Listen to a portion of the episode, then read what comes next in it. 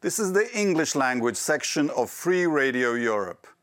Welcome from the uh, uh, Parliament building of the European Parliament in Brussels. We are meeting on the day of the um, end of the heroic struggle for Azovstal and Mariupol uh, during the uh, war uh, of invasion by Russia of Ukraine. And I have for you a very special guest, someone who knows a great deal about Soviet tactics and Western responses, a long-time commander of the Estonian Defense Force, General Riho Terras. Welcome to the show. Hello. You were also um, uh, attaché, military attaché to Germany and Poland.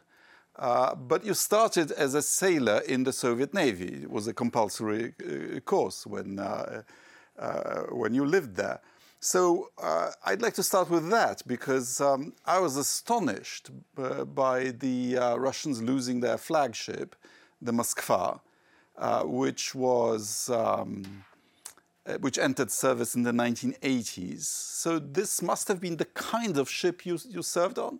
Well, it was a very similar one. Yes, I was uh, and one one uh, version sm smaller ship, but I've been to to to the analog ship uh, Ustinov as as it came to the to the Northern Fleet. I know, uh, and as I saw it hit, I exactly knew where and what happened because uh, that is was one of my tasks to go through all their storages and uh, look whether the munition is in good shape or not.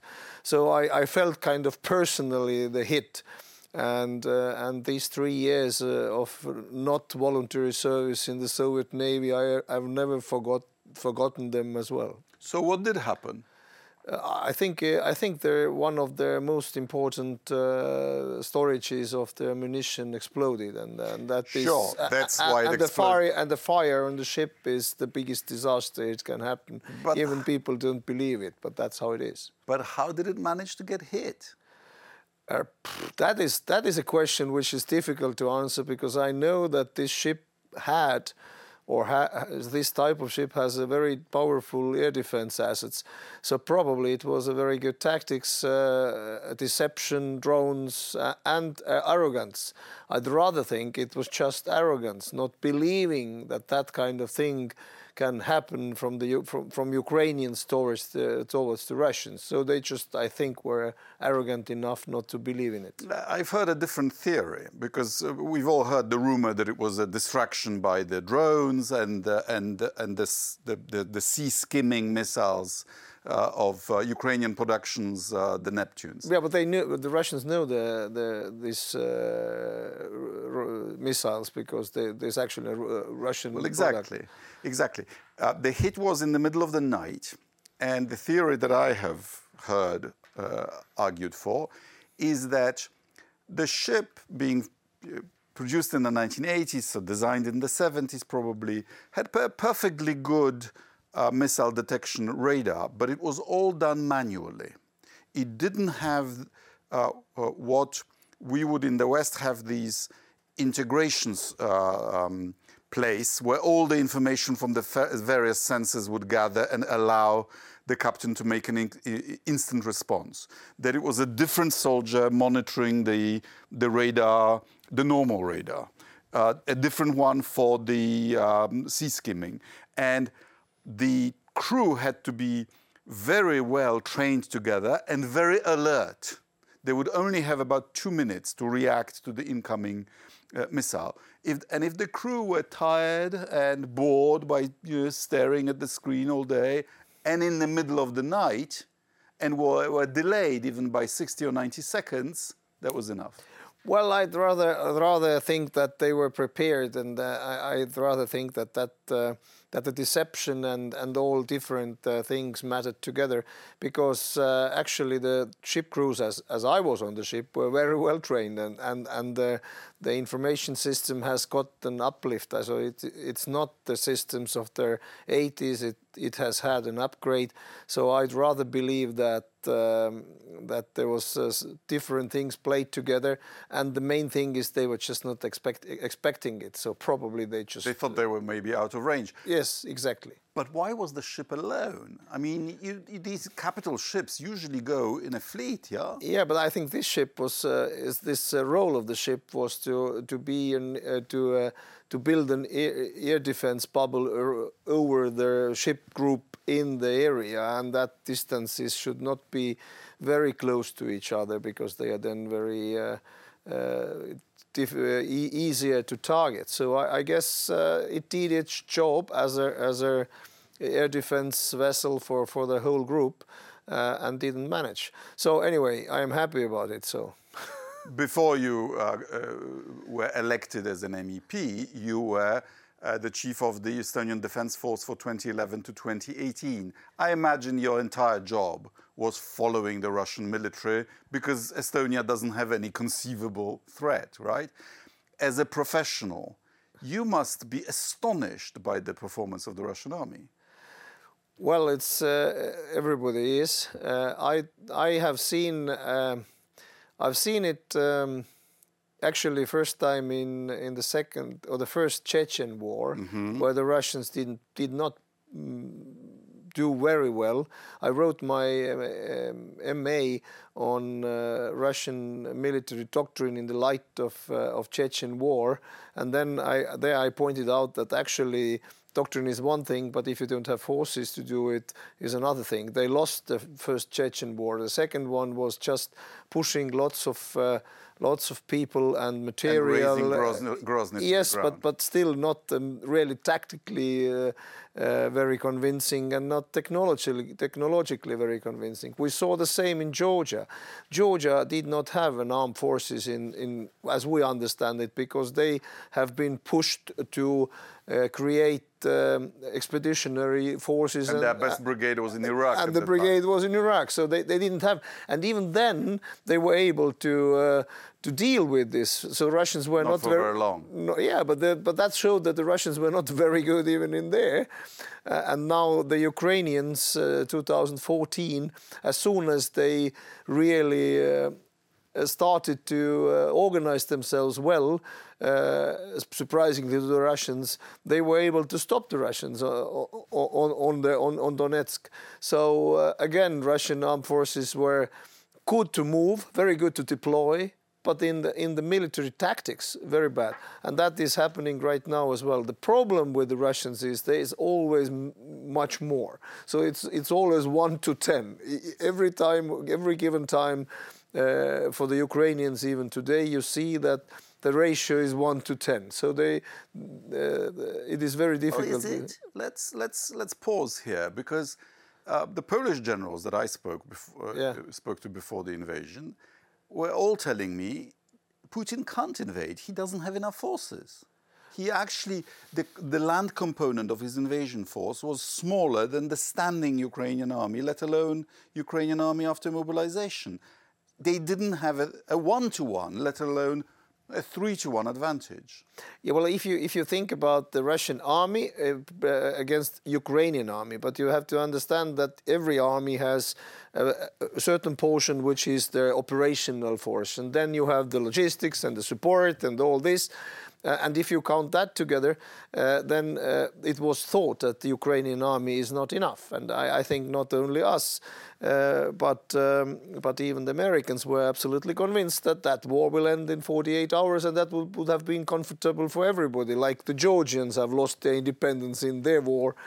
Uh, Ukrainians just didn't read the memo, and they were very good. I, uh, as you remember, in November uh, in the EPP group, I said that the big war is coming. Nobody believed me. Then in February, or actually end of January, I draw the map where I said Kiev will be attacked.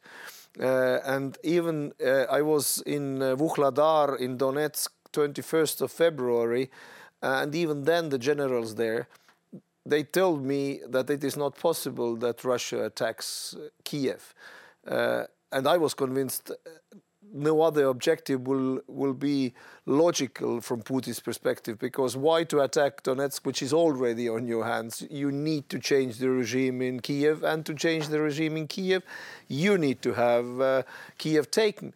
What other thing which happened and why they withdraw from uh, from north and from Kiev, on my opinion, is that uh, in all Zapad exercises they always exercised together with uh, Belarusians.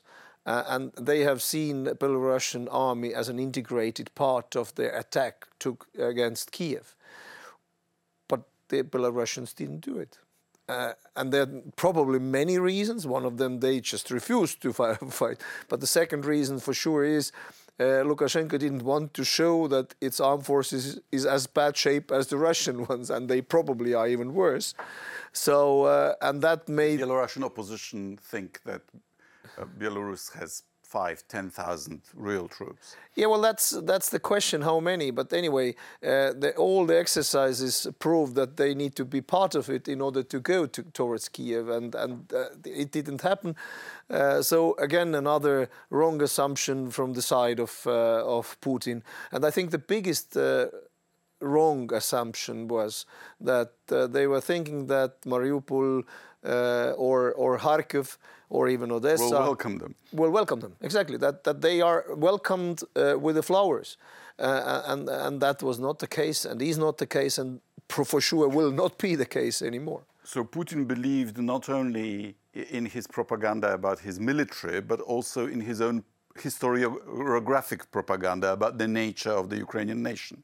And, and, and or, I think, or rather, the lack of it. And as we know, there's there was a lot of effort put by by uh, different uh, secret services uh, to organize and uh, kind of a fifth column on Ukraine. But they stole the money. Well, that's what they said. But anyway, it didn't work. Whatever whatever it was, someone it took the money. Maybe the Ukrainians took the money. Well, that would have, would have been the most clever one. but anyway, that didn't work at all in Kharkov and and in in Mariupol and for sure uh, not in Odessa. So uh, I, I, think that many miscalculations, uh, hopes, and beliefs which which were not true, and of course the the will of fight of the Ukrainians of the of the spirit. Uh, and and it gives you always 30% more power if you really fight uh, uh, with your with your back to the wall, and that's what it is in Ukrainian case. Uh, and and they they are getting better and better every day. The problem is that Europe is and the US is willing to give them only that much weapons uh, to make them not lose the battle. Uh, but we need to give them the weapons to win the battle, to throw the we'll Russians get, out. We'll get to that. But um, I, I, I talked to Ben Hodges, whom surely you know, very well, yes. Who says that the Russians would have had trouble taking Kiev with those forces, even if there were not uh, Ukrainian defenders. It's a huge city that the Red Army took seven, 700,000 people for three weeks to take Kiev from the Germans. Mm. Um, the Russians thought that if they just mass a column and they will just enter the city and that'll be it, as if but at the same time, the Russians were uh, were actually tactically doing right things. They took their they attacked their airfields. They uh, they were close to Petro Petro Poroshenko's office. I mean that, that is that shows that they were already close. Uh, and without a defense, I don't think uh, that would have lasted long because then they just would have driven the the broad avenues which were made to tank, for, uh, especially made for the tank attacks uh, uh, after the Second World War. So I guess. Uh, still the defenders of of Kiev uh, are important and have been very important in this, uh, and they still are because the the threat is not over. As we saw today, the Sumy is attacked again. So it is even they withdraw from there, they they they try again, and and uh, whether they have enough forces and uh, and uh, equipment is the question. But there's always be uh, more. There will always be more Russians than Ukrainians, if you look at what the size of the country is, and the question is how much uh, more uh, Russia is able to suffer. because day to day, I think I'm not sure because no no data about how many Ukrainians have been killed and injured, but my my wild guess uh, militarily is one to three. Uh, so one Ukrainian soldier, three uh, Russian soldiers. In winter war, uh, during the Finnish winter war, it was one to ten. So, uh, so that is what. And in the Battle of Narva, when you defended um, against the Red Army. Yeah, they they never came through there.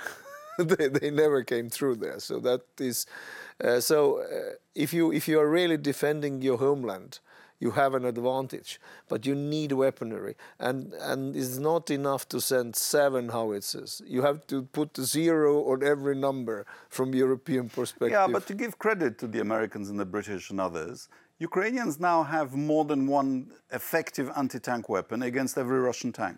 Well, to give, give credit, uh, Estonia was the first one to deliver javelins uh, in the big numbers already in November, and and we have given them howitzers, and we give them uh, 155 howitzers now.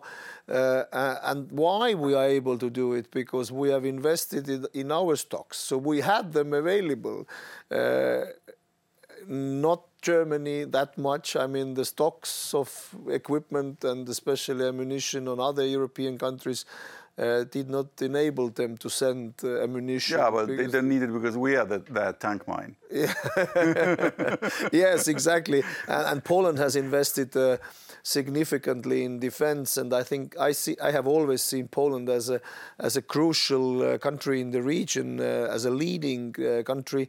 and uh, I know that the relationship between uh, Estonia and the Polish military during my time.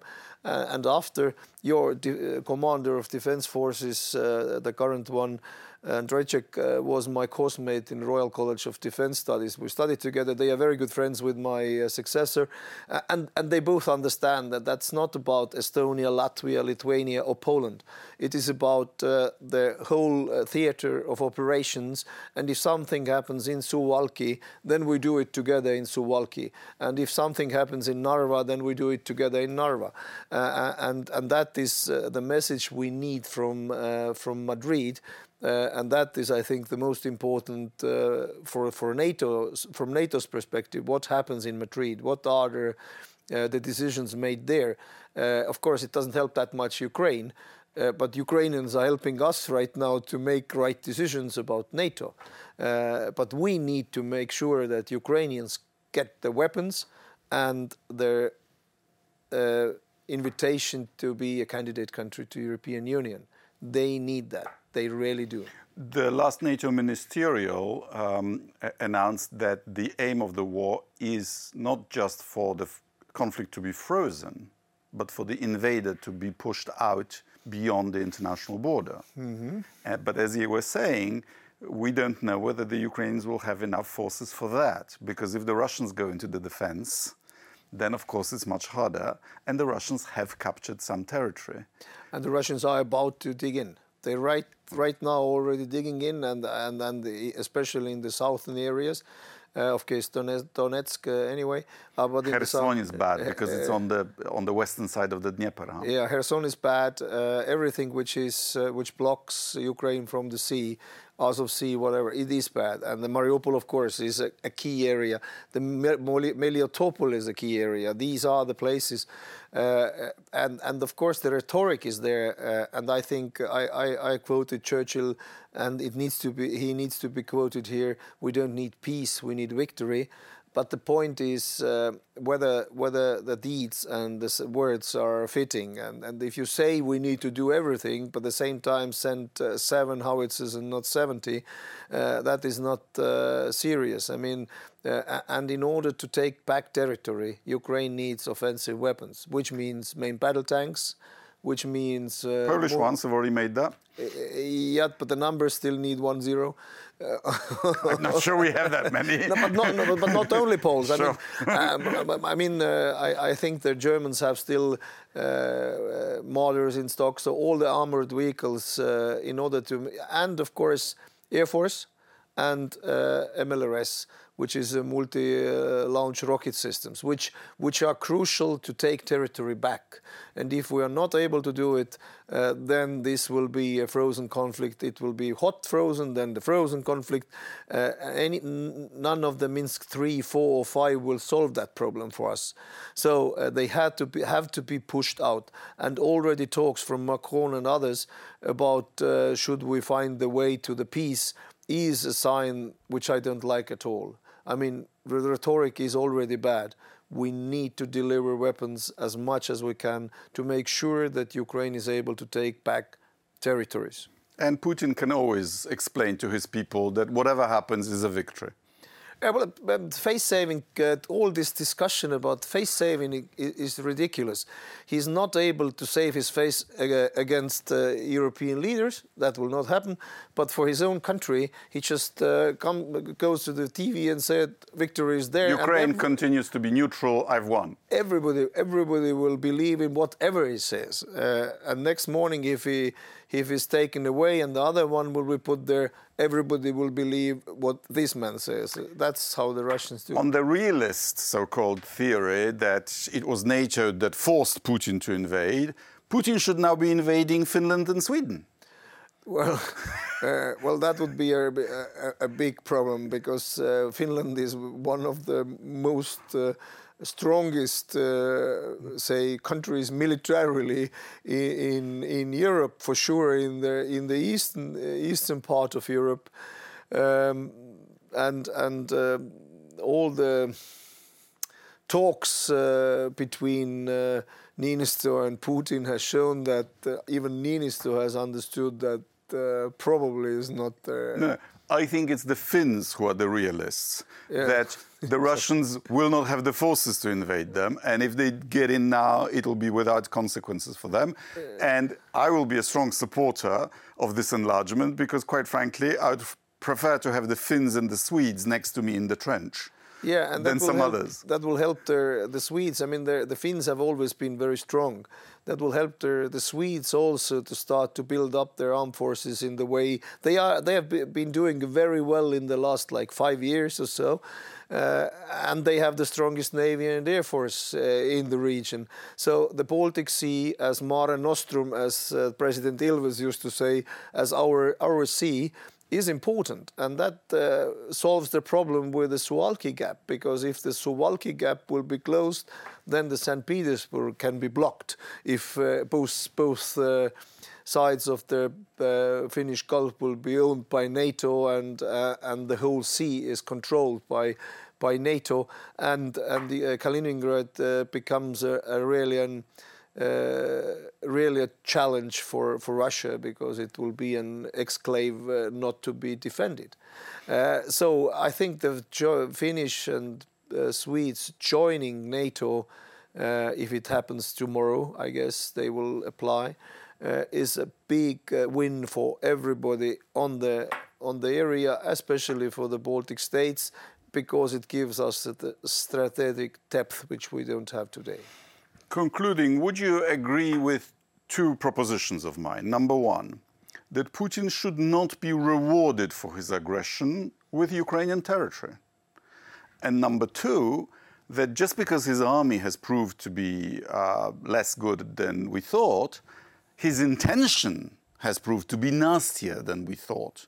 And therefore, this is no excuse for not rearming.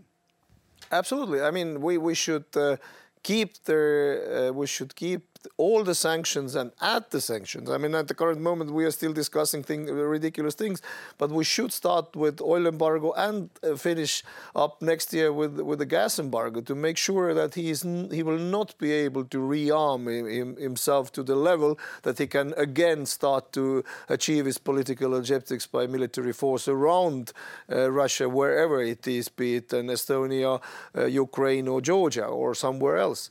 Uh, I, I, think that is for sure, and we should not reward him with, the territory of Ukraine. I cannot see that, uh, and I, I, don't think the Ukrainians will be willing to do it. And I would uh, advise the leaders of uh, Europe not to call him every day. I, I, I, really would have been surprised uh, if I would have read in history books that Churchill calling Hitler after after Hitler attacked Poland perhaps you should do that and that. I mean, that did not happen. And I think here we should uh, think the same way and not try to call him uh, because there's a dialogue needs two sides and there's no space for dialogue with Putin. And we should remember that there's a long tradition of Russia reforming itself only after it has lost a war.